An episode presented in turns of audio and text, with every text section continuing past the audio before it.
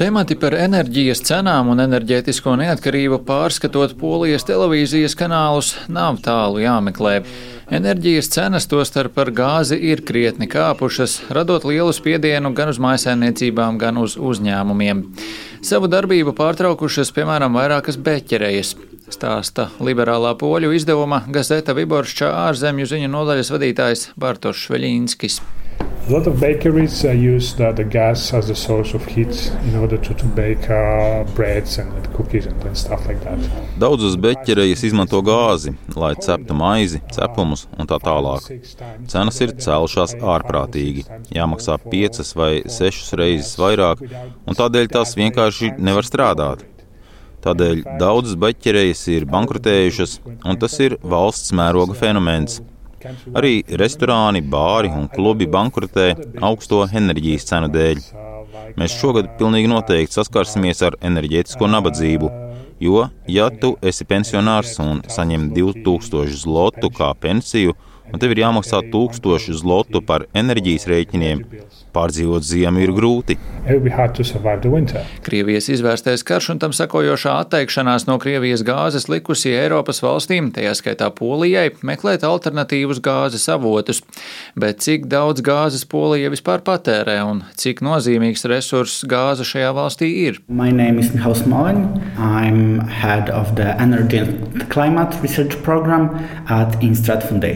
To Varšavā man izklāstīja Mihāls Smoļens, eksperts no Varšavā bāzētās domnīcas Instrat. So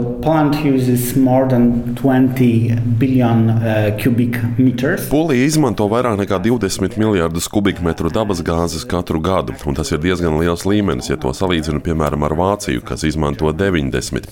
Un tas ir tāpēc, ka Polijā gāze netiek tik daudz izmantota apkurē, jo pamatā balstāmies uz oglēm. Dabas gāzi izmanto gan mājsaimniecības, gan rūpniecības sektors, piemēram, ķīmiskajā rūpniecībā un mēslošanas līdzekļu ražošanā. Smoļens norāda, ka Polijas enerģētikas stratēģija paredz gāzes izmantošanas paplašināšanu, piemēram, centralizētajā siltumapgādē, elektroenerģijas ražošanā un mājsaimniecību vajadzībām. Līdz šīs desmitgades beigām paredzams, ka gāzes patēriņš sasniegs 30 miljārdus kubikmetru gadā, un tas savukārt prasa papildu ieguves avotus un infrastruktūras attīstību, kas ir izaicinājums, jo Polija atteikusies no Krievijas gāzes. Pērn 50% gāzes Polijā tika importēti no Krievijas, vēl 30% no Vācijas, bet tā arī bija Krievijas gāze. Domnīcas instrata eksperts gan norāda, ka Polija par atkarību no Krievijas gāzes sākusi domāt jau pirms teju desmit gadiem. Polija kopš 2014. gada jau saskatīja savu atkarību no Krievijas gāzes kā lielu strateģisku problēmu, kas jārisina. Kā mins Moļens, neatkarīgi no februāra notikumiem, Polija jau bija gatava šogad izbēgt Krievijas gāzes importu. Atteikšanās no Krievijas gāzes, protams, ir izaicinājums visai Eiropai, tādēļ pēc Krievijas atkārtotā iebrukuma Ukrainā Eiropas Savienība ir prezentējusi plānu ar nosaukumu Repower EU, lai izbēgtu blokā atkarību no Krievijas fosilā kurināmā, tostarp Krievijas dabas gāzes, un rastu jaunus avotus. Bet avotu dažādošanā Eiropas Savienība aktīvi iesaistījās jau agrāk, un daļa no Polijā īstenotajiem gāzes infrastruktūras projektiem notikusi arī ar Eiropas Savienības atbalstu. Augustā tika atklāts cauruļvads, kas savieno Polijas un Slovākijas valstu gāzes vadu tīklus. Polija varēs saņemt gāzi no Alžīrijas caur Itāliju. Savukārt septembrī Polijā tika atklāts jauns cauruļvads Baltika Pipe, pa kuru Norvēģijas gāze tiks nogādāta Polijā caur Dāniju. Tā kapacitāte ir 10 miljardi kubikmetru gāzes gadā. Šogad pa šo cauruļvadu tiks transportēti 6,5 miljardi kubikmetru gāzes, bet nākamgad 7,7 miljardi. Šogad ticis atklāts arī Polijas Lietuvas gāzes vadu starpsavienojums.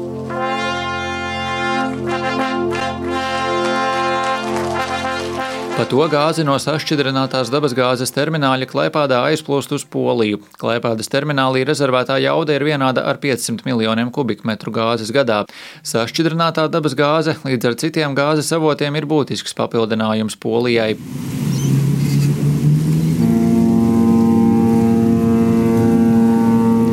Kuģi no Kataras, ASV un citām valstīm piestāja pašlaik vienīgajā LNG terminālī Polijā, ziemeļrietumos esošajā Svinušķē.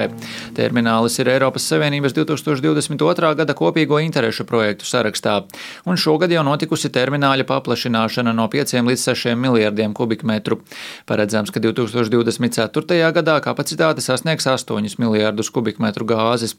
Pašlaik terminālis saņem un regazificē vairāk nekā 20% no Polijas gāzes vajadzībām vajadzībām.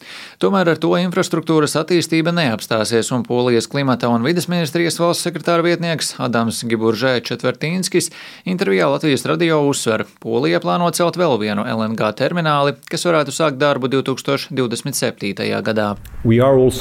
To, to Mēs plānojam būvēt jaunu termināli Gdaņskā, peldošo termināli ar 6 miljardiem kubikmetru, un runājam ar kolēģiem citās valstīs - Čehijā, Slovākijā un Ukrainā. Redzam, ka reģionā ir vajadzība pēc gāzes, un tādēļ apsveram otru vienību Gdaņskā. Vides un klimata ministre Anna Moskva iepriekš izteikusies par vēl ambiciozākiem plāniem, proti termināli Gdaņskā paplašināt līdz 12 miljardiem kubikmetru gāzes, kas nozīmē vietu nevis vienam, bet diviem kuģiem. Gāzes krātuve Polijā ir piepildīta maksimālajā kapacitātē, un tā tika piepildīta diezgan agri, agrāk nekā tas noticis citos gados. Jāsaka gan, ka krātuves kapacitāte ir aptuveni 3 miljardi kubikmetru, kas valsts vajadzības var apmierināt aptuveni divus mēnešus. Tomēr Četvertīnskis pauž pārliecību, ka Polija ar te pieejamajiem avotiem gāzi šai ziemai ir nodrošinājusi. All in all, this allows us to feel that Kopumā šie visi avoti ļauj mums domāt, ka šajā ziemā viss būs kārtībā, un tālāk tas būs jautājums par to, kā uzkrāt rezerves nākamajai ziemai un sezonai. Arī Domnīcas instrata eksperts uzskata, ka šo ziemu pārdzīvot izdosies, un pagaidām siltā gaisa temperatūra palīdz. Lai gan arī gaisa temperatūrai nesot ļoti lielas nozīmes, jo siltuma nodrošināšanai pārsvarā tiek izmantotas ogles. Polija ir viena no tām valstīm, kas cenšas panākt gāzes cenu griestu ieviešanu Eiropas Savienībā. Lai gan gāzes cenas ir samazinājušās, šāds solis joprojām būtu nepieciešams, uzskata klimata un vidas ministrijas valsts sekretāra vietnieks. So we, e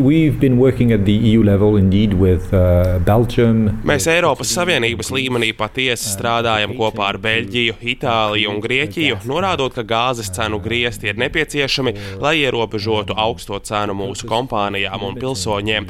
Es domāju, ka ir būtiski, lai mums būtu instruments, kas risina šos jautājumus.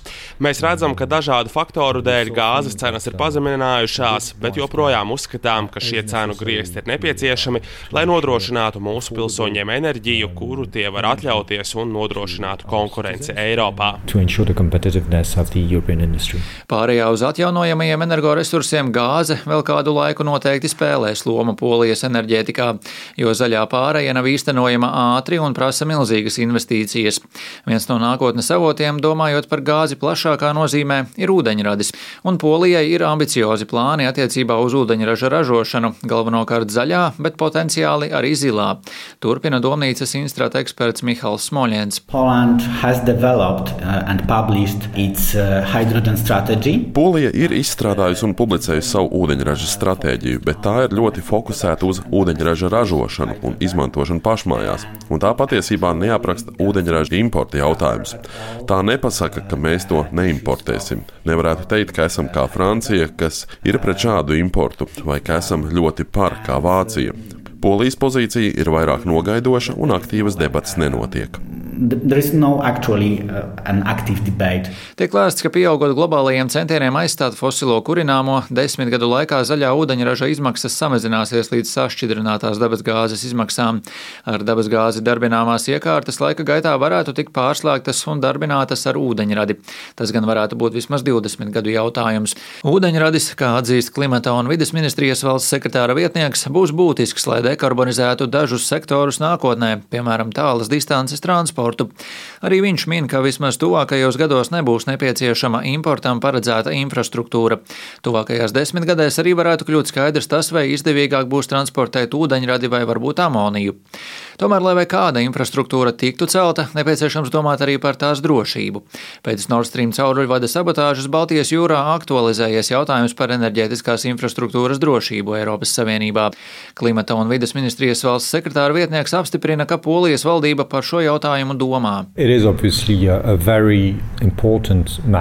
Valdībai acīm redzam ir būtiski nodrošināt šīs infrastruktūras drošību un esam saziņā ar visām aģentūrām Polijā. Tā, protams, ir klasificēta informācija un es nevaru atklāt detaļas, ko tieši mēs darām, bet tas ir zem Polijas aģentūru lupas un notiek sadarbība ar reģionu partneriem. Tuvākajā nākotnē Polijai uz gāzi kā svarīgu avotu vēl nāksies paļauties, neskatoties uz to, ka tā nekad nav bijis ideālais Polijas enerģijas ieguves risinājums. Polijas premjerministrs Mateušs Moraveckis pirms pāris dienām pavēstīja, ka līdz gada beigām pārskatīs valsts enerģētikas politiku, kas ietvers laiku līdz 2040. gadam, un tajā gāzei vietas nav. Chciałbym, żeby Polska w jak najkrótszym czasie opierała się o atom. Viņš pauda vēlmi, lai Polija pēc iespējas īsākā laikā balstītos uz kodolenerģiju, atjaunojumiem energoresursiem un oglēm, un par to esot panākta vienošanās ar Eiropas komisiju. Rihards Plūme, Latvijas radio no Polijas.